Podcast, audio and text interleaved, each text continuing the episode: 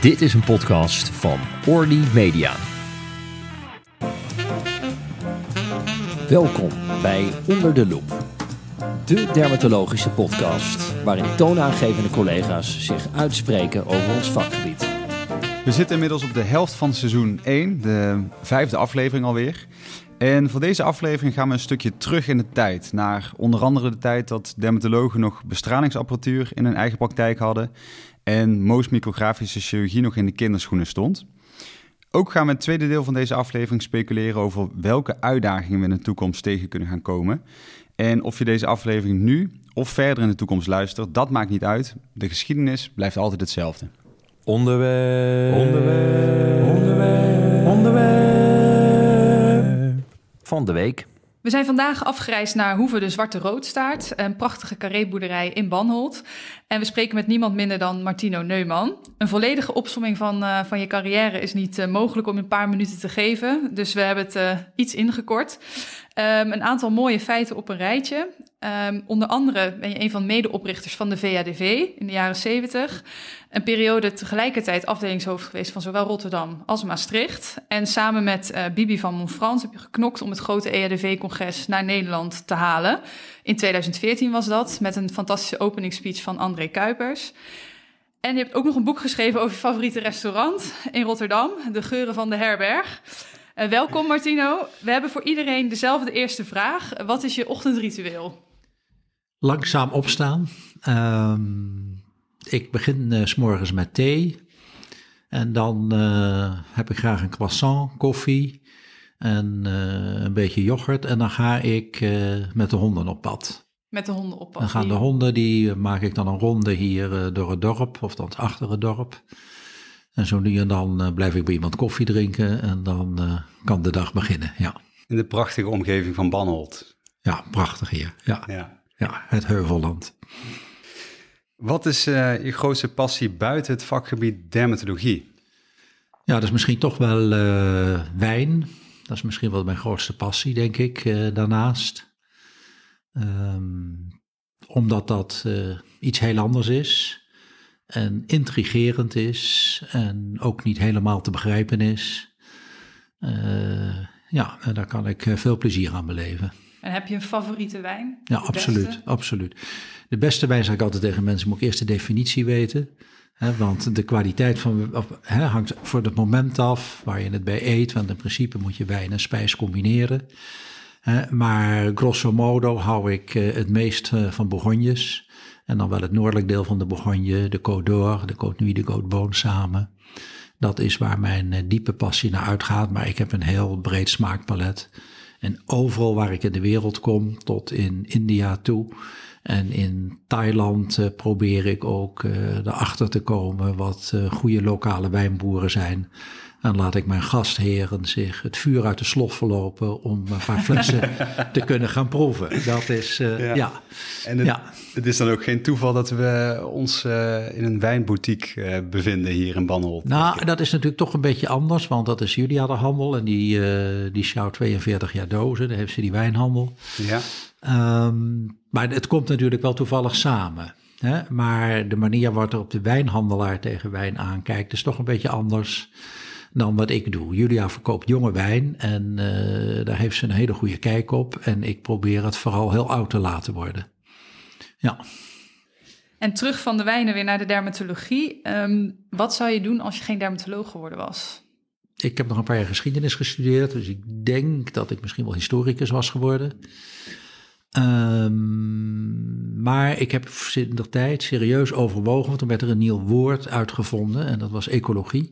Mm-hmm. Dat was toen heel erg nieuw, maar dat was nog zo nieuw dat je daar geen kant mee uit kon. Maar dat leek me wel heel erg interessant. Dat speelt ook zo'n beetje de tijd dat iets later kwam de Club van Rome, hè, die de wereld gewaarschuwd heeft dat alles opraakt en dat je het niet allemaal moet opgebruiken. En uh, ik heb daar nog steeds belangstelling voor. Zij niet dat ik me er echt in verdiep, maar ik vind wel dat wij, wat ons gegeven is van natuur, dat we daar heel zuinig mee moeten omspringen. Ja. En als je op de allereerste dag van de opleiding uh, jezelf terug met terugwerkende kracht een advies zou mogen geven, wat zou dat dan zijn na al die jaren ervaring? Nou ja, misschien dat de dokters op tijd moeten komen. Mijn allereerste dag viel op 1 april. Dus dat is wel interessant natuurlijk. En ik kwam uh, daar de afdeling binnen. En dacht, ik meld mij maar op het kantoor van de professor. Dat zat achter de bibliotheek. En daar zit normaal ook een secretaresse. En er was uh, een schoonmaakster. En die zei, ja, zei ze, meneer voor tien uur s morgens heb ik hier nog nooit iemand gezien. Oké. Tegenwoordig is dat wel anders, denk ik. Ja, dat is, ja. daar kom je niet meer... Uh, nee, dat klopt. Ja. ja. Hey, we beginnen um, deze aflevering met een reis door de tijd. Eigenlijk mooi dat je zei dat je ook nog uh, geschiedenis als grote passie uh, hebt. Um, want wat is nou belangrijk qua geschiedenis om te weten van je eigen vakgebied als dermatoloog, als AIOS, als staflid? Ik denk dat een leven zonder bewust te zijn van de historie, dat dat eigenlijk geen, geen leven is, dat het heel erg moeilijk is. En dat geldt voor alles. We grijpen altijd terug als we kijken naar dingen, naar hoe het historisch gegroeid is of waar het historisch vandaan komt. En dat vragen we ook. En uh, dermatologen behoren tot een van de eerste artsen hè, die gedacht hebben dat is zo ingewikkeld dat vel, daar moeten wij hè, ons in gaan verdiepen. En zo is de dermatologie geboren. Hè, de, de oorsprong ligt uh, voornamelijk in Frankrijk. En uh, het is ook heel interessant dat het eerste wereldcongres dermatologie, dat is al geweest in de 19e eeuw. En dat was uiteraard in Parijs. Ja, dus ik denk dat je die roots wel een beetje moet weten. Een van de belangrijkste bijdragen van de dermatologie is natuurlijk uh, de systematiek die Darier eraan gegeven heeft. Hè, waar uh, tegenwoordig dan uh, ook het provooksysteem ja, min of meer een beetje, de efflorescentieleer, maar het provooksysteem vandaan komt.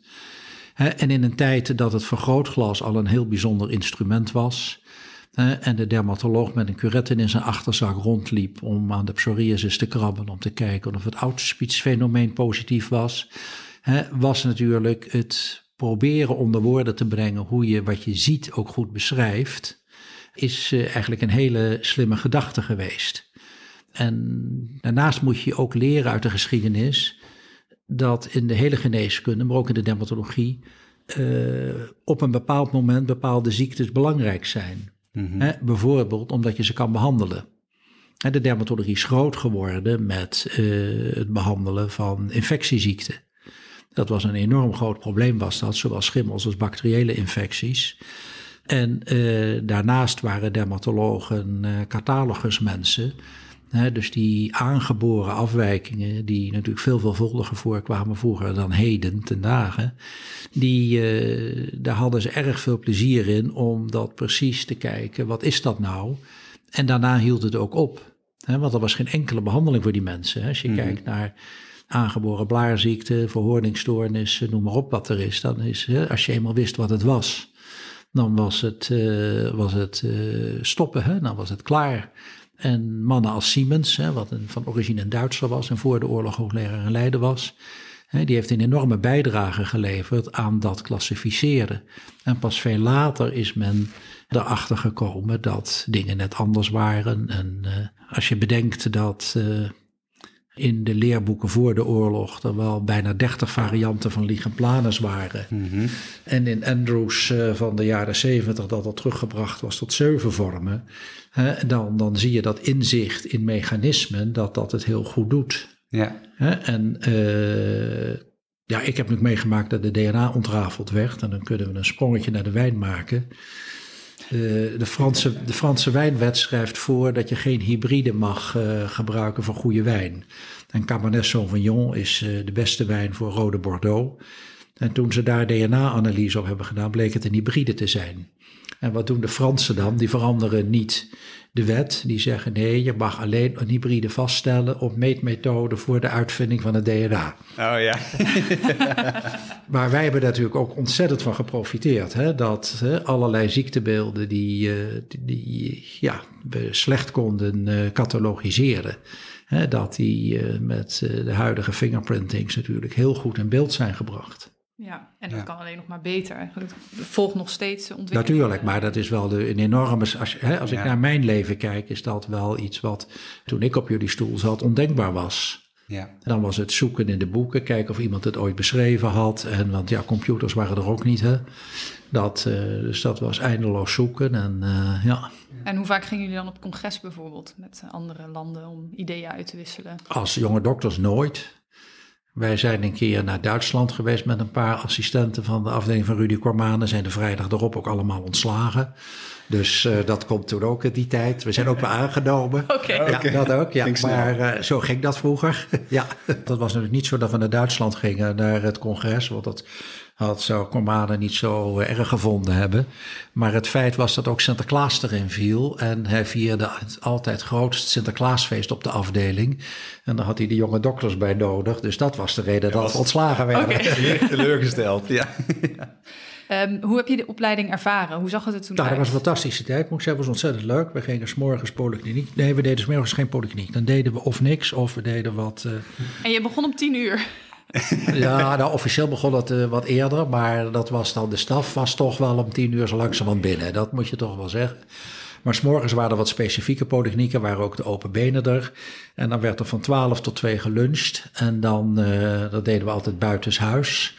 En dan, eh, dan gingen we, smiddags was er spreekuur. En dat moest om vijf uur afgelopen zijn. Daar zagen wij eh, drie nieuwe patiënten. En als het heel druk was, ook nog 15 controles. Maar dan was het wel heel erg druk. En dan, eh, dan was er een soort nabespreking om vijf uur. En dan gingen wij doorgaans gingen wij, eh, bij Piet Reumer in het café het echt nabespreken. En dan konden we de volgende dag weer fris terugkomen. Ja, ja. En opnamepatiënten, want die waren er in die tijd toch ook Ja. Ja, ja, we hadden een mannenzaal en een vrouwenzaal, die lagen vol. En eh, op de mannenzaal moesten ze een jas aanhouden bij de ramen, want daar kwam de wind door naar binnen. En ja, dat was, dat was een hoop werk. Dat was, dat was echt, eh, dat waren veel patiënten. En dan hadden we nog nachtbehandeling voor psoriasis. Dat, eh, die, werden, die kwamen s'avonds om zeven uur. En die werden dan in de signoline gesmeerd, en, eh, of in de teren, of allebei. En dan werden die s'morgens weer gepoetst door de zuster. En dan, eh, dan konden ze s'morgens weer naar het werk voor de, de psoriasisbehandeling. Ja.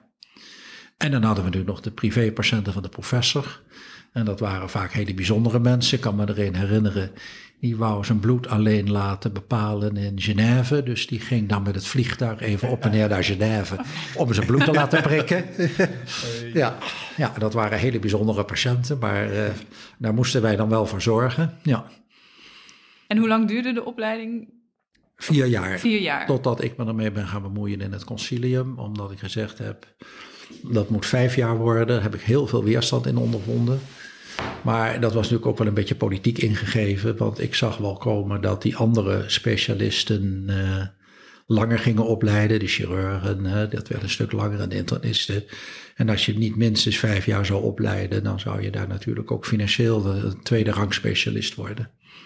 Dus ik heb er erg voor gepleit om er een echte opleiding van te maken toen ik in het concilium kwam als artsassistent. En het is uiteindelijk gelukt om die opleiding dan ook daadwerkelijk met een jaar te verlengen. Ervaarde je hoge werkdruk in die tijd? Want het is natuurlijk nu echt een hot topic onder nou ja, AIOS-stafleden. Nee, ik heb, ik, heb dat, ik heb dat nooit als een hoge werkdruk gezien. Nee, het was ontzettend gezellig en eh, we deden relatief veel venerologie in die tijd. Dat was wel zo. Dat was in Amsterdam natuurlijk wel. eh, Ja. ja. Nou, nadat je de opleiding hebt afgerond, ben je een van de eerste geweest die de mooschirurgie eh, is gaan doen in Nederland en Europa. Hoe was dat om daarin te pioneren? Hoe ben je gekomen überhaupt om die opleiding te gaan doen en waar is die geweest? Ja, ik ben eh, in Helmond terechtgekomen. Nou, dat vonden wij wel leuk om in het zuiden te gaan wonen. En daar ontdekte ik, want kijk, dat realiseren jullie misschien niet, maar toen wij in opleiding waren, toen moesten we ook nog een diploma röntgenstraling en therapie halen. Want er werd niet alleen eh, huidkanker bestraald, maar ook eh lichaamplanen en wat je maar kan verzinnen. Eczeem. Dat, eh dat, eh daar ging een uh, hemangiomen werden vroeger bestraald. Dat ging allemaal voor de röntgenbuis. En die röntgenbuis, dat was eigenlijk de financiële motor van veel dermatologen. Ehm, en toen ik in Helmond kwam, toen stonden daar ook twee röntgenbuizen. En eh, zijn zuster legde me uit dat ze daar vratten mee behandelden, maar dat ze alleen de koeling aanzetten. Omdat ze het eigenlijk niet meer verantwoord vonden om de röntgenstralen erop los te laten. Dus dat was een placebo-behandeling, maar daar werd dus wel een vette rekening voor geschreven. Dus ik heb uh, die apparaten meteen verkocht. ja. En toen keek de directeur heel erg sip van het ziekenhuis. Want vlak voordat ik kwam hebben ze een nieuwe polykliniek gebouwd. Hadden ze voor veel geld al dat lood in die muren gezet van die röntgenbuis. ja, dat zat er dus toen voor niks in. Maar ik zag wel afgrijzelijke huidkankers daar. Mm -hmm. In de eerste plaats de peel is een meraboire van, uh, van, uh, van dermatologie. Uh, en zeker in die tijd, en in alle vormen. Hè. Ik heb ook nooit nog zoveel benen moeten laten amputeren als in Helmond. Want die rookten zich allemaal sufter in de peel. Die zochten nooit een dokter op. Dus dat, die kwamen dan met afschuwelijke arteriële ulcera. Maar ook met afschuwelijke huidkankers die alles een keer wat bestraald waren. Of waar alles iemand aan gekrapt had. Uh, en ja, wij wisten natuurlijk heel goed dat in Amerika de Most Micrographic Surgery het echt goed deed. Dus uh, ik ben afgereisd en heb daar toen een spoedcursus Moos gedaan bij Stegman, die helaas vroegtijdig overleden is aan AIDS. En die, die leerde mij ook hoe je praktijk moet voeren. En zei, je doet een derde cosmetiek, want dan moet je geld mee verdienen. Een derde dermatologie, dat is leuk. En een derde moos, want dat is nog leuker. En zei die Martino, dan moet je vooral van mij onthouden... dat je de cosmetiek op voorhand laat betalen. Want is er dan discussie, heb je in ieder geval je geld. nou, dat is toch niet veranderd, ja. denk ik. En die, die spoedcursus moos, hoeveel mozen waren dat dan? Hoe, hoe zag dat eruit? Ja, weet je, dat, dat was, ik ben daar een week geweest. En uh, dan, mocht je blij, dan moest je al blijven als dat mocht. Geweldig. Dan had je dus geleerd hoe je die koepers moest maken. En uh, kijk, chirurgisch is het natuurlijk helemaal niet moeilijk, hè? Want het is een, uh, is een iets andere manier van uitsnijden. En ik heb uh, later nog een Israëlische promovenda gehad, Tamara Ravet. Die heeft met wiskundige modellen aangetoond dat die hoek helemaal niet zo precies die 45 graden hoeft te zijn. Dat, dat kan veel, veel vlakker zijn als je maar goed kan, kan stampen. Uh, ja, en toen zijn we begonnen in Helmond. Toen zijn we begonnen. Nou, toen ben ik door iedereen voor gek verklaard. Dat, uh, dat, uh, het begon dan in Helmond dat ik OK-tijd aangevraagd had toen ik daar kwam.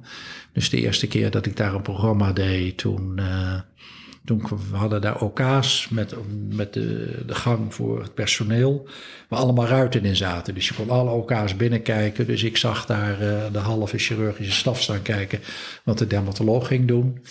Toen ik wegging, toen zeiden de anesthesisten dat er absoluut een opererend dermatoloog moest terugkomen, want dat wij een significant onderdeel van hun omzet waren. Dus uh, je ziet, het gaat vaak via de achterzaak hoe je de zaken moet regelen. Dat viel met de Moos erg tegen, want toen heb ik een nummer aangevraagd. Dat ging toen heel ingewikkeld. Dat was ex-artikel 5 heette dat. En de zorgverzekeraars waren van mening dat er geen plek was voor Moos, want niemand deed dat. En dat je dan ook maar de reconstructie niet moest rekenen. Dus in plaats van dat ik er beter van werd, werd ik er slechter van. Maar het heeft me nooit weerhouden om, uh, om het gewoon goed op te zetten. Dus uiteindelijk hebben we daar een, een leuk mooswinkeltje gehad. We deden er heel veel moos onder narcose. Want we hadden ook een hele negatieve selectie. Hè? De, eigenlijk de, de meest afschuwelijke mensen die, eh, die kwamen daarvoor aanmerk, in aanmerking. En, uh, de sluitingen deed je ook zelf? Ja, nou niet alles natuurlijk. Ik had een hele goede samenwerking met plastisch chirurg in Eindhoven. Die kwam één keer in de maand. En, uh, maar ik deed veel. ik, tijdens mijn artsassistentschap. we hadden in Amsterdam hadden we Jansen de Limpus als plastisch chirurg verbonden aan de afdeling. Dat was een hele chique meneer, die deed eigenlijk alleen maar ambassadepersoneel in Den Haag. Die had een hele grote Amerikaanse auto die de bocht kon, niet kon maken naar het binnengasthuis in één keer. Dan moest hij drie keer op en neer op de gracht om die auto daar het, uh, door de poort van het ziekenhuis te rijden. En uh, Paul Beretti en ik hadden gezegd, wij willen van jou uh, wat leren. En toen was hij naar uh, Cormanen gestapt en toen zei hij, wat moet ik met die mannen? Nou, zei Cormane, die rotjongens moet je het maar leren, want ze gaan het toch doen. en dat was natuurlijk een heel wijs antwoord van de baas. Dus die heeft ons de basisprincipes bijgebracht. Um, hij maakte het wel nodeloos ingewikkeld, maar goed, dat maakte niet uit. Uh, en toen uh, ben ik bij Joris Bloem uh, terechtgekomen. Heb ik gezegd, ik wil een, een, middag bij je komen opereren. Die was toen hoogleraar aan de VU. Dat was in het binnengasthuis natuurlijk al vloeken dat je dat deed. Dus Cormane zei, dat doe je maar in je eigen tijd.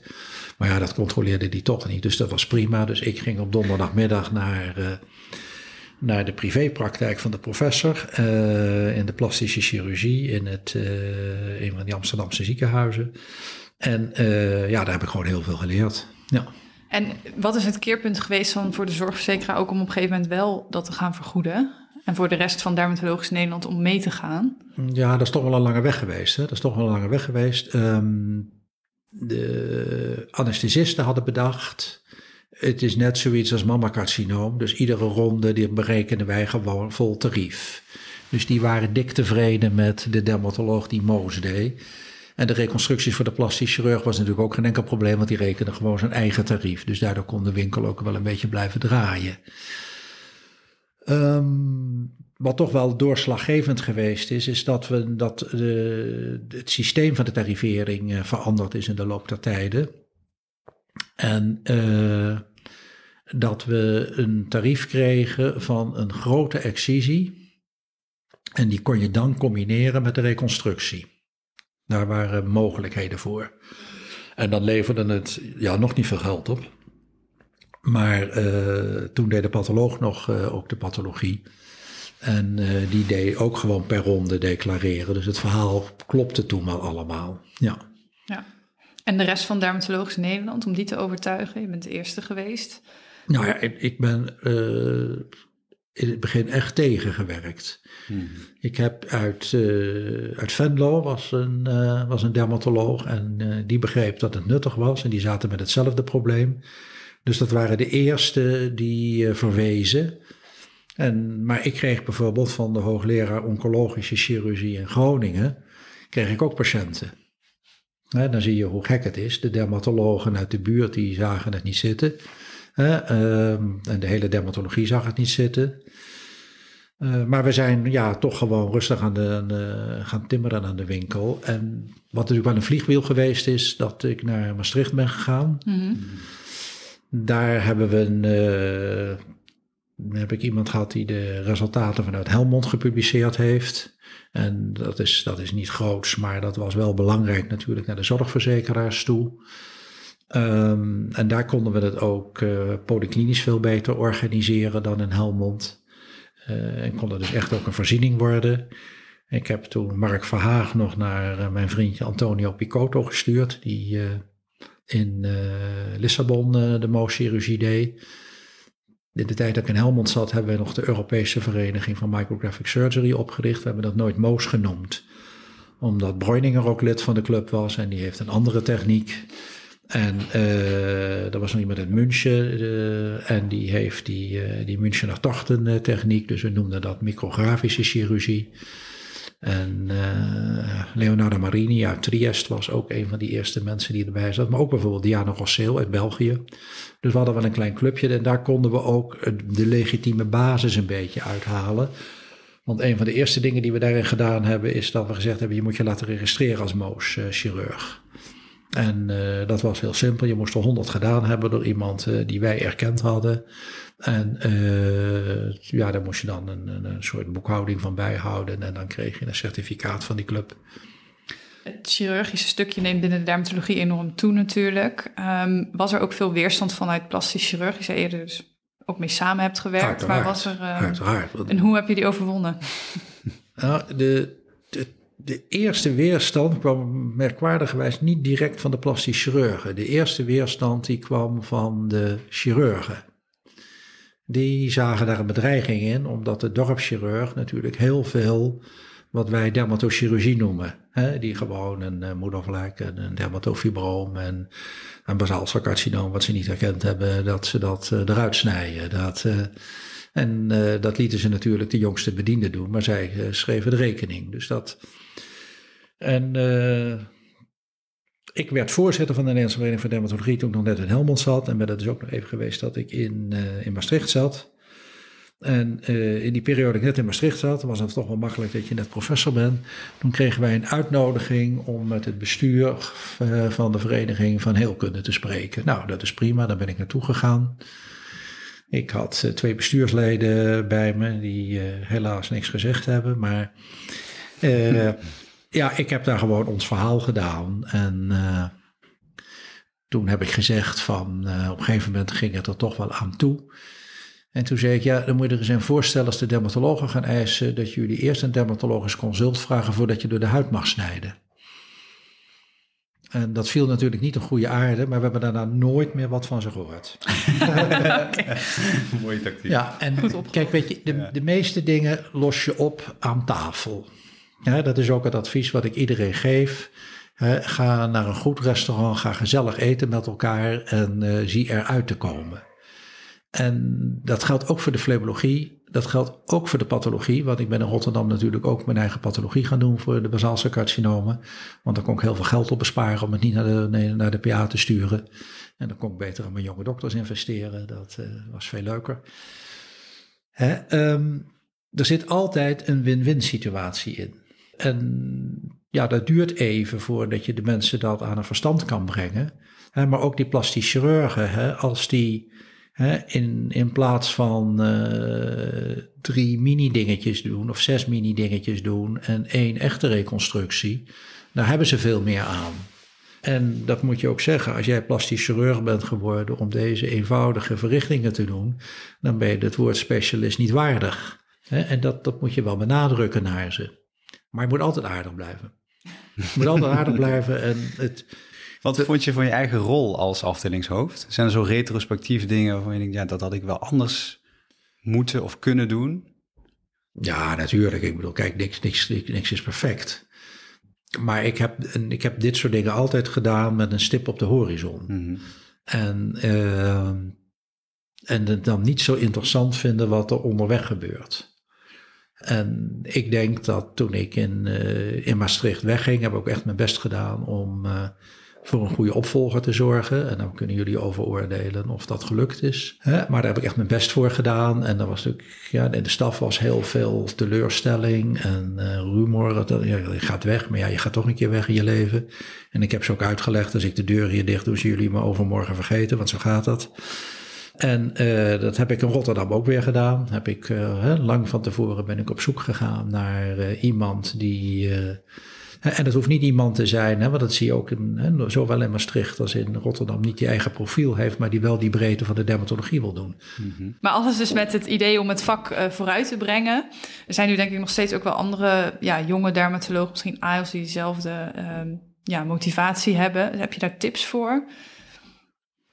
Ja, wat ik, wat ik belangrijk heb gevonden is dat je voor ogen houdt uh, waar je het voor doet, hè? Als, als. Hè, waar doe je het voor? Hè? En het merendeel doet het om gewoon dermatoloog te worden.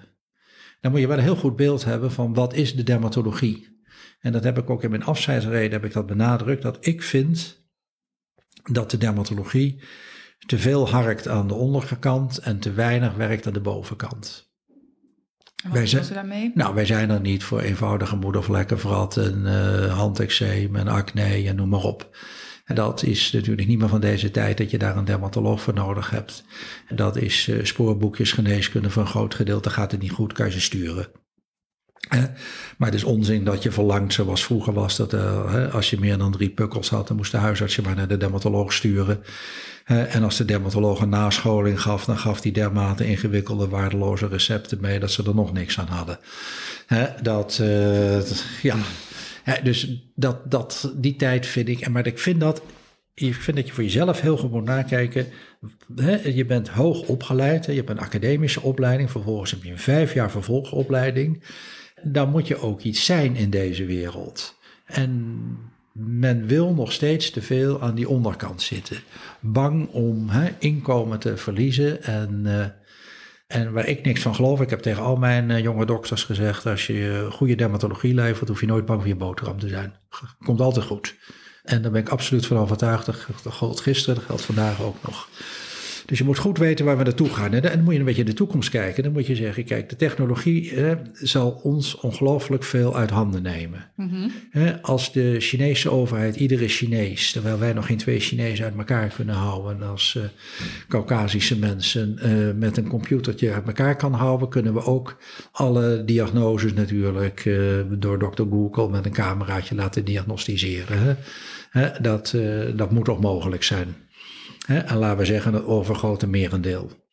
Dus die waarde hè, van die waarde die de dermatoloog heeft, van het goed kunnen stellen van een diagnose, die is eigenlijk geen waarde meer, maar een basis.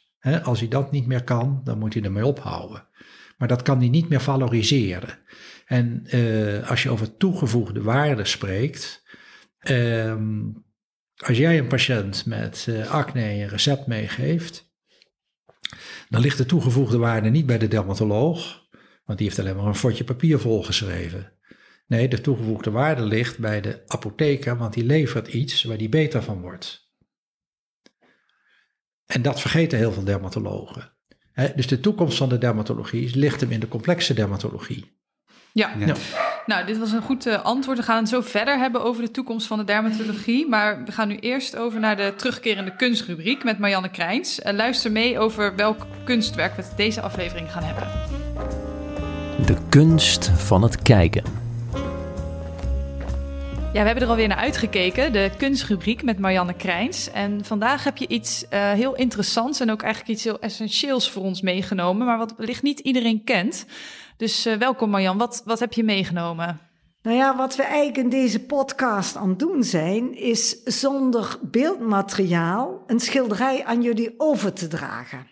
En uh, dat zijn we natuurlijk ook in de spreekkamer gewend. Als een uh, assistent of co-assistent de patiënt heeft gezien, moet hij aan de dermatoloog beschrijven wat hij heeft gezien. En dat doen we op een bepaalde manier. En ik denk dat de meeste dermatologen en AJOS'en al direct weten waar het om gaat. En daar is een schilderij van. En dat schilderij staat op de voorkant van het boek Huidziekte in de beeldende kunst dat ik in 1991 samen met Rieke van Leeuwen heb uitgegeven. En uh, nou, wat zie je, Luc, op deze voorkant? Ja, het is een, uh, het is een abstract kunstwerk. En je ziet, om het mooi te zeggen, een polymorf beeld van verschillende abstracte vormen. Um, deels herkenbare vormen, zoals de bloem, die heel, heel erg aanwezig is centraal in het schilderij. Um, en je ziet volgens mij rechts in beeld zie je nog een stoel. Het heeft in ieder geval veel pastelachtige kleur, kleuren. En het is een heel vrolijk schilderij met een heleboel raadsels, als je het mij vraagt. Ja, en wat uh, met name opvallend is, is toch dat alle afgebeelde zaken heel klein zijn geschilderd, hè? Ja. Ja, en uh, dit is een uh, schilderij van uh, Paul Klee en het wordt genoemd uh, efflorescentie. Nou, dat is voor ons een zeer bekende term. Het is een olieverf met potlood op karton en het hangt in de Philips Collection in Washington. de, degene die de efflorescentieleer heeft geïntroduceerd was een chirurg, Jozef Planck, maar is later uitgewerkt uh, door Darrier en andere dermatologen. En uh, volgens de Franse dermatoloog, dus Darrier, zijn de efflorescenties of opbloeisels het alfabet waarmee een ziektebeeld op de huid is geschreven. De efflorescenties vormen samen de huidafwijking. En dus door dat veel te trainen, kan je dus aan uh, collega overbrengen wat je gezien hebt. En Paul Klee, dat, waarom schilderde hij zo klein? Want vroeger had hij hele andere kunstwerken.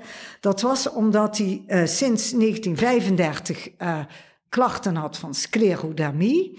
Uh, ik denk systemische sclerodermie, want hij had het niet alleen op zijn romp, of, maar hij had ook ja, harde vingers. Hè. De huid van de vingers was verhard. Hij had klachten van sclerodactylie. En daardoor kon hij die vingers heel moeilijk bewegen en moest hij steeds kleiner gaan schilderen. Maar wat ik heb gelezen is dat eigenlijk sinds hij die aandoening had, hij uh, enorm in productie uh, is toegenomen uh, aan het aantal schilderijen. Hij heeft totaal 9000 werken. En uh, hij is eigenlijk, was hij Duitser van geboorte, maar hij woonde met zijn ouders uh, in Zwitserland. Later is hij uh, ja, genaturaliseerd uh, tot Zwitser. En het meeste van zijn werk hangt in het Paul Klee Museum in Zwitserland. En hij heeft dus 9000 werken, 40% hangt daar. En ja, het, het, het, het is een heel, uh, hij heeft heel veel mooie kunstwerken, uh, waar duidelijk te zien is dat hij dus uh, mogelijk leed aan een aandoening, omdat hij zo klein schilderde. Heel interessant. Heel interessant, inderdaad. Dankjewel. Ja. En is, um, is de efflorescentieleer in de wereld gelijk? Denken we er allemaal, doen wij allemaal exact hetzelfde? Nee, daar staat ook wat over geschreven. Uh, uh, er zijn een aantal termen die overal, uh, dat, waar we elkaar begrijpen, hè, als mm -hmm. we het erover hebben. Maar bijvoorbeeld over het woordje papel zijn we met z'n allen nog niet uit. Daar is een andere definitie van in Frankrijk als ja. wij hier in Nederland hebben. En je zou toch zeggen, na 250 jaar, zo lang bestaat de efflorescentieleer, dat men hier wel iets meer over had uitgezocht of dat er overeenkomst was, maar dat is helaas niet zo. Nou, helaas. Werk voor de toekomst. Exact. Ja, precies.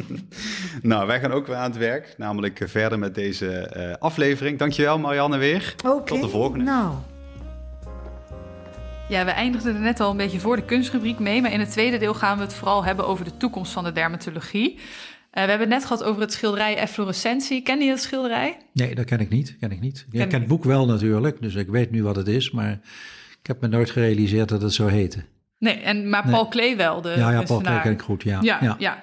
En hoe zie je de toekomst van de efflorescentieleer en, en het provoken voor de dermatologie? Kijk, uiteindelijk het ontrafelen van de efflorescenties, hè, zoals Darier dat ook noemde, hè, zoals de ziekte opbloemen op de huid zal noodzakelijk blijven. Maar ik denk dat voor de routine dat het ook niet meer in, uh, in de statussen terug te vinden is. En dat we een uh, computer-analyzed uh, zeker de huidziekte gaan benaderen.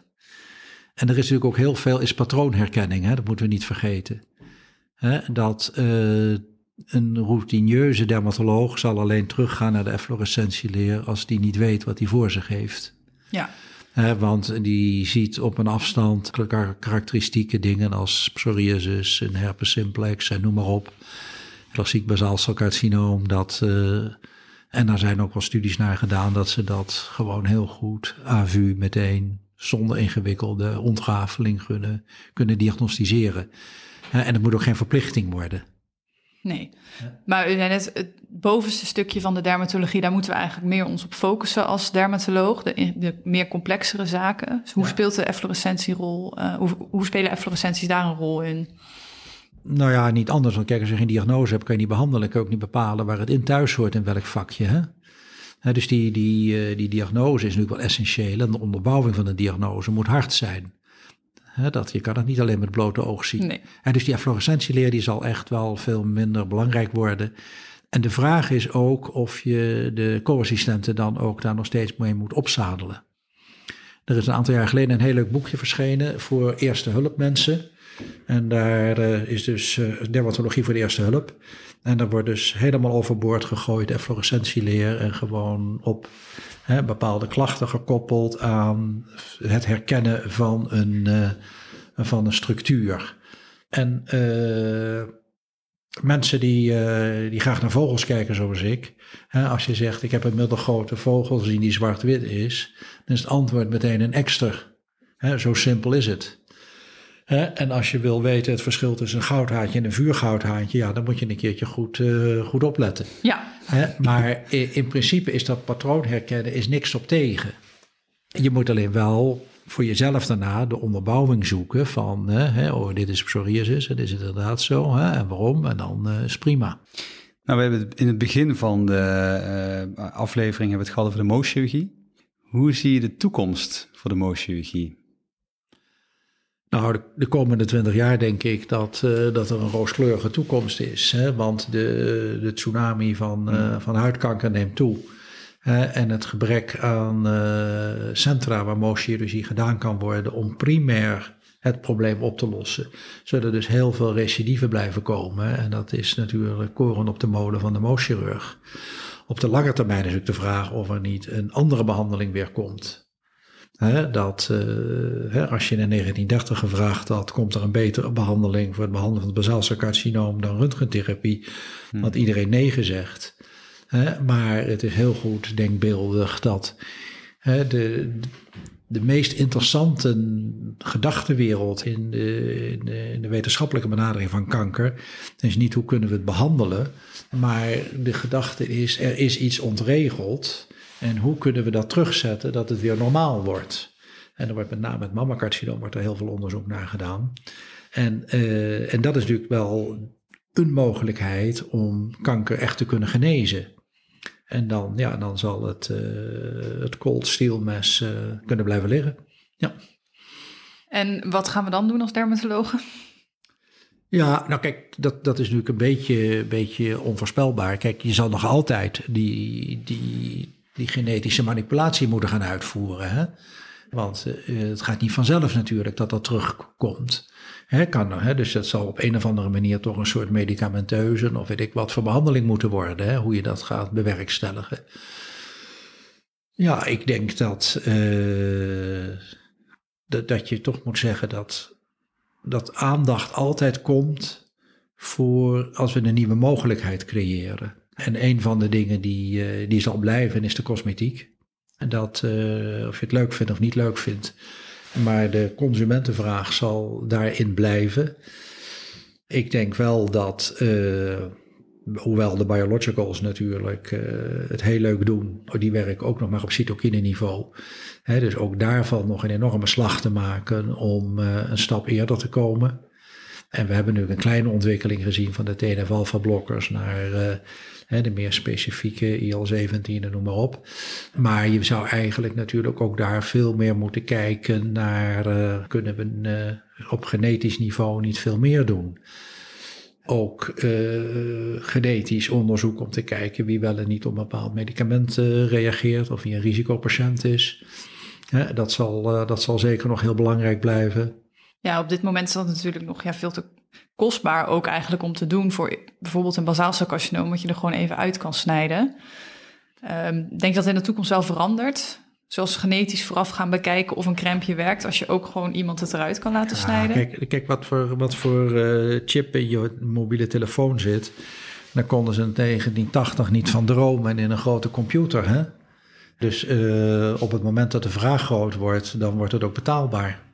Dat, dat, is, een, dat is een gouden economische wet.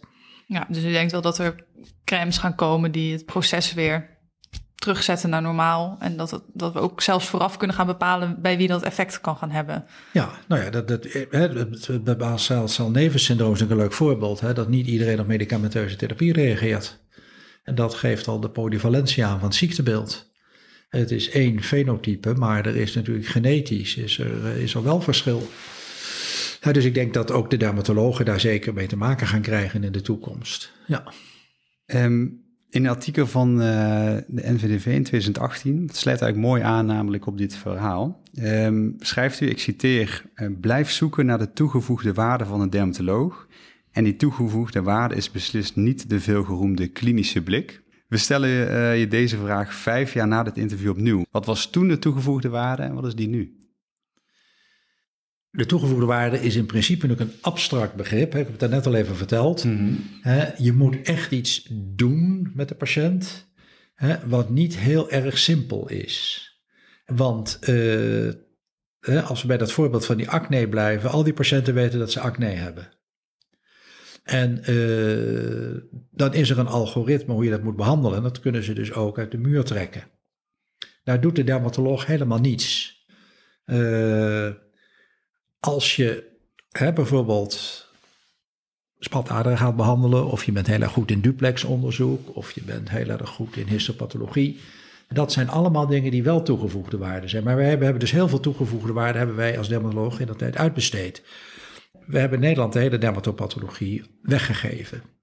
En daar is het, kijk, de patholoog, daar is zijn waarneming is toegevoegde waarde. De patholoog wordt nu bedreigd door de computer, hè, want dat gaat heel hard.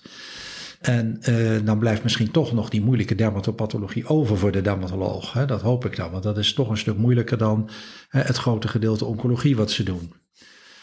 Maar uh, een chirurgische verrichting is natuurlijk toegevoegde waarde. Die, stuur hebben, hè, die worden op heel veel plaatsen naar de plastisch chirurg of naar de algemeen chirurg gestuurd. Of uh, er wordt helemaal niks gedaan. Dat, uh, en je moet naar al die dingen kijken van, ik moet iets, mijn kennis en kunde moet van die aard zijn dat dat, eh, dat dat niet een heel simpel briefje is met een recept of eh, een klein advies of weet ik wat. Dat mag er best tussen zitten, hè, maar dat moet niet de bulk van je praktijk, pra- praktijk zijn. Kijk, en ik denk als je nu moet zeggen, wat is natuurlijk het high-end dermatologie, dan is dat natuurlijk mooschirurgie. Hè, dat is voor de dermatoloog de meest complexe verrichting die die kan doen. Daar kan die ook het best op scoren, want hè, de genezingspercentages zijn enorm goed als je het goed doet. De patiënttevredenheid is enorm hoog en voor de maatschappij is het ongelooflijk goedkoop. Want reken maar uit wat al die recidive kosten. Hè, dat, eh, dat kost goud geld. En, eh, en de belasting voor de patiënt, dat die iedere keer met een recidief geconfronteerd wordt. Ik heb mensen geopereerd die wanhopig werden, die waren al 17 keer behandeld voor hetzelfde basalcelcarcinoom. En dan wordt het misschien toch wel eens tijd dat het echt gebeurt. Ehm, dus daar moet je die toegevoegde waarde zoeken. Wat dat over 10 jaar is, dat weet ik niet, want dat hangt natuurlijk heel sterk vanaf wat je nodig hebt om de volgende stap te zetten. En vanuit de academische blik hebben wij natuurlijk jarenlang hebben wij de ene biological naar de andere biological zitten testen. En wat natuurlijk helemaal geen intellectueel werk is, maar dat is eh, veldwerk wat gedaan moet worden. Je moet veel patiënten hebben en dan kan je kijken of het biological effectief veilig is en weet ik wat allemaal. Maar op het moment dat we nu zoveel biologicals hebben, ja, die, de controle van een biological patiënt is natuurlijk zo verrekte simpel. Hè? Dat kan de assistenten van de huisarts doen. Dus die zullen uit je praktijk moeten. Of je het leuk vindt of niet leuk vindt, hè, daar ben je geen specialist meer voor geworden. Hè, Dus en- binnen de specialisatie nog specialistischer worden eigenlijk. ja, en dat zie je, in- dat zie je in de hele geneeskunde. En de cardioloog, in de cardiologie zie je dat je mensen hebt die alleen maar pacemakers doen, om maar een voorbeeld te noemen. En dermatologen proberen nog altijd, en ik ben natuurlijk ook van de oude stempel, het hele vak te beheersen. Hè, maar eh, ik denk, eh, die basis moet je allemaal hebben, maar ga vooral dan toch een bepaalde kant uit. Hè, en, en- Maar moet de opleiding dan nog langer? Dat je een bepaald ja, fellowship-achtig iets hebt? ehm nou, ik denk, de ik denk niet dat die die lang, basis. Ik ja, denk niet dat die langer moet. Ik denk wel dat je moet zeggen dat eh, je moet misschien een veel groter gedeelte in de periferie doen. Want kijk, in de academie leer je academisch denken, dat is heel fijn en dat is heel goed. Hè? ehm, maar in veel academische ziekenhuizen is de patiëntenlood heel laag. En eh, ja, geneeskunde is nou eenmaal iter repetenda. Iemand die eh, veel moos doet het beter dan iemand die het één keer in het jaar doet. Dat, eh, dat zijn keiharde gegevens en dat zien we in de chirurgie, hè, naar de carotischirurgie, de longchirurgie. Dat, hè, daar worden allemaal rest, hè, chirurgie, zien we allemaal restricties voor genomen, dat niet iedereen dat maar gaat doen. En dat is terecht, dus dat geldt voor de dermatologie ook. En mensen die alleen een routinereeks plakken, die missen heel veel allergieën. Dat, eh, ja, dan kan je dat misschien beter niet doen. Dan, dan, kan je dat beter overlaten aan iemand die eh, daar kijk op heeft. En, en dat is wel toegevoegde waarde. Als je het probleem kan oplossen met de routinereeks, dan doe je eigenlijk geen toegevoegde waarde. Dat kan de zuster ook. Dan is het heel snel klaar. Dan is de toegevoegde waarde relatief klein. Maar op het moment dat je een verdieping daaraan geeft. Hè, en, eh, en wat een, nog grotere toegevoegde waarde aan de allergologie is, is dat je natuurlijk de relevantie kan vaststellen. Hè, want als je bij iemand eh, naar specifiek IgE gaat kijken, dan kan je hem alles verbieden wat, eh, wat leuk is. Maar wordt hij waarschijnlijk niet beter. Dat, eh, dus, hè, dat, en, en daar is het ook toe. Dus, dus niet alleen met je handen werken. Hè, dat is wel een belangrijk onderdeel natuurlijk van de toegevoegde waarde in de dermatologie.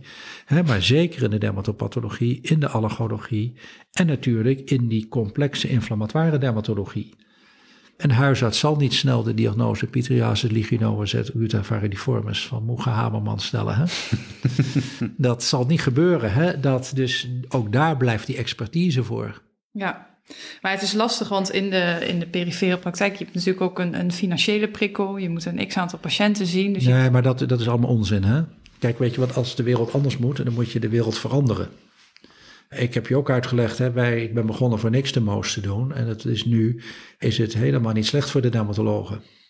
Nee, zeker niet. Hè, dus ik, hè, dat, kijk, kijk, de wereld is niet statisch. Dus op het moment dat jij kan bewijzen dat iets goed voor de mensen is, en dat is, hè, En dat is niet dat je simpele acne en vratten en moedervlekken doet. Daar ga, je het, eh, daar ga je de zorgverzekeraars niet voor overtuigen dat je daarvan medisch specialist geworden bent en een specialistentarief moet hebben. Dat gaat niet lukken. Maar als je natuurlijk ingewikkelde dingen gaat doen. Dan wel. Natuurlijk, Dan wel, natuurlijk, ja. natuurlijk. Hè? En, en daar, daar ligt een taak voor, ook voor de vereniging. Op welke manier kan de vereniging dat dan oppakken? Nou, dan moet ik wel. Hè, kijk, de tariefonderhandelingen zijn tegenwoordig heel erg ingewikkeld, omdat de ziekenhuizen dat doen en de specialisten Ja. zich hebben laten uitsluiten. Hè, wat natuurlijk heel, heel onverstandig van ze geweest is. Maar goed, dat is gegeven. Dus de, de vereniging die zal hè, materiaal moeten aandragen naar heel Nederland. Om te zorgen dat datgene wat zo belangrijk voor die dermatologische patiënt is, ook adequaat vergoed wordt. Want anders kan je niet genoeg dermatologen hebben. Toen, eh, toen ik met een paar mensen een stuk schreef in Medisch Contact, hè, dat het nog belachelijk was dat de endovasculaire laserbehandeling niet werd eh, vergoed, stond de krant de volgende dag vol en enkele dagen later gingen de ziekenfondsen overstag. Hè, zo simpel is het. Duivelse dilemma's. Nou, we zijn weer aangekomen bij het laatste onderdeel namelijk van de aflevering. En dat zijn de duivelse dilemma's. Ja, als je nog één keer een dag eh, in de dermatologische praktijk mocht meemaken, wat zou je dan doen? Een dag Moos, een dag flebologisch spreekuur, een dag algemeen spreekuur? Ja, zou ik een dag algemeen spreken doen. Ja, dat getut met die patiënten, dat is heerlijk. Ja, dat is absoluut heerlijk. Dat, eh, Ruim de tijd plannen. Eh, ja, dat is, eh, dat is absoluut heerlijk. Dat is een. Weet je, met dat gewone spreekuur doen, weet je ook weer waarom je dokter bent geworden. En, eh, en het is, dat is ook het allermoeilijkste, hè, spreekuur doen. Dat vergeten mensen wel eens. Al, ik zeg altijd, als de, de beste vriendin van Julia bij, eh, bij mij op het spreekuur is geweest en ik kom s'avonds thuis en ik hoor het verhaal, dan denk ik, god, bij welke dokter zou die zijn geweest? Mensen pakken er zo weinig uit op. Hè. Dat is zo moeilijk om dat goed te doen. Dat, eh, en eh, ik heb in mijn leven hele leuke feedbacks gehad van mensen om te weten dat, ja, dat is, als ik het nog één dag moet doen, dan ga ik dat doen. Ja. En heb je dat gemist toen je eh, afdelingshoofd was? Of Nee, maar ik, ben al- ik nog, ben op het eh, blijven doen. Oké, Ja. Ik deed dat wel met twee jonge dokters. En met een zuster. En eh, zodat ik dat tutten kon doen. En, eh, en zeker toen alles in die computer ingetikt moest worden. Toen dacht ik, nou hou ik er echt mee op. Dat moeten die jonge dokters maar doen. En ook al die administratie achteraf. En Ja. iedereen achter zijn volle Ja. lopen. Daar had ik ook geen zin meer in. En, en het leuke is, de patiënten vinden het prachtig. Die vinden het allemaal prima. Inclusief de directeur van de ziekenfonds die patiënt was. Hè, en die ook de jonge dokters daarvoor gewoon accepteerde dat het bij mij zo ging. hè. Hij zag me wel, maar de rest moest hij met de jonge dokter doen. En dat is prima. eh, mis je nu nog wel eens? Nu je met pensioen bent. Jawel, of zeker als we er nu zo over praten, dan, eh, dan, dan denk ik wel, ja, dat was toch ook wel een mooie tijd. Hè? Dat, Ja. eh, dat waren wel leuke dingen, maar ja, ik heb er eh, in principe gewoon echt helemaal afstand van genomen. Ja, ja. ik ben ook, heel, ik ben ook bijna nergens meer lid van, dus dat is... eh, En wat is de, hetgeen waar nog wel het Nou ja, ik maatschap op staat? Nou ja, ik ben erelid van de Nederlandse Vereniging voor Dermatologie, dus dat mag ik tot mijn dood blijven. Ik ben lid van de Vereniging van het Nederlands Tijdschrift voor Geneeskunde, mag ik ook tot mijn dood blijven. Ik, eh, ik heb, ga dit jaar mijn lidmaatschap van de AD niet verlengen. En daar ben ik meer dan 25 jaar lid van geweest. Ik ga ook mijn lidmaatschap van de EDF ga ik niet verlengen. Ik blijf nog wel even EHDV-lid, want daar heb ik natuurlijk heel veel voor gedaan. Hè, dat, eh, en daar doe ik nog wel dingen voor. Ehm, en de rest is allemaal al, eh, ja, ik ben nog erelid van een paar clubs en dat, eh, maar dat heeft dan niet zoveel te betekenen. Dat, dat weet je, dat, en dan is het dat. En je moet, ook een keer stoppen, hè? Je moet een keer stoppen. Ja. ja. Ja, ja, dus misschien moeten we ook met een ander dilemma mooie afsluiten. sprong naar de, het andere dilemma. Ik denk dat dit een moeilijke gaat zijn. Nooit meer wijn of nooit meer lekker uit eten? Nou, dat is, een- dat is eh, geen goede vraag natuurlijk. Ja, Want, wat, kijk, kijk die, die, twee, die twee zijn onlosmakelijk aan elkaar verbonden. Hè? Ehm, Je kan niet lekker uit eten zonder goede wijn. Nee, dat vind, ik- dat, dat vind ik zonde van het geld. Dat vind ik- kijk, want het lekker uit eten, hè, tegenwoordig zijn de restaurants redelijk aan de prijs. Hè, als je naar een, naar een echt restaurant gaat. Je kan het wel omdraaien. Je kan wel zeggen, je kan natuurlijk uh, gewoon naar de autobus in, uh, in Vizé gaan. en een garnalenkroket bestellen en een, uh, en een boulette de liège. en een voortreffelijke fles wijn meenemen. En tegen de dame daar zeggen, die ga ik vandaag hier drinken. Dat is makkelijker. Ja, dat kan heel goed. Ja, ja. Maar ik vind wel als je zo'n verfijnde keuken, waar die mensen ongelooflijk hun werk voor doen. En je hoeft echt niet bij iedere gang een andere wijn te nemen. Dat is echt onzin. Hè? Maar dat vraagt toch wel om een, uh, om een tegenpol. Dat, uh, kijk, dat is, ook, dat is hetzelfde als, uh, als mensen zo, zo als ik was. Hè? De hoogleraren, zeg maar, die natuurlijk toch een, uh, ook wel een narcistisch trekje doorgaans hebben. Dat als die niet een echte echtgenote hebben die zeggen: joh, doe niet zo idioot. Hè, dan, worden ze, dan, worden ze, dan worden ze ook heel erg vervelend. Ja, ja, ja. Hè, en dat is dus als je dat eten alleen maar gaat doen voor dat eten, dan, ja, dan mis je toch echt iets. ja. Daar gaat het boek... Uh, de geuren van de, de geuren van de herberg. Ja, die moeten wij natuurlijk nog lezen. Maar dat heb, daar heb ik daar dus ook gecombineerd. Hè? Want het eten geurt en de wijn geurt. Ja, ja. Oké, ja, bedankt voor deze uh, leuke aflevering. Ook namens de luisteraars en je bijdrage hier aan de geschiedenis, de toekomst en uh, ja, alles wat je voor de dermatologie hebt betekend. Um, ik begreep dat we zo meteen afronden met een goed glas wijn hier in de wijnboutique. Uiteraard. Dus daar kijken we enorm naar uit. Uh, ontzettend ja. bedankt. En voor de luisteraars tot de volgende aflevering van Onder de Loep. Dankjewel. Dankjewel. Dit was Onder de Loep. Dank voor het luisteren en graag tot de volgende Dit is een podcast van Ordi Media.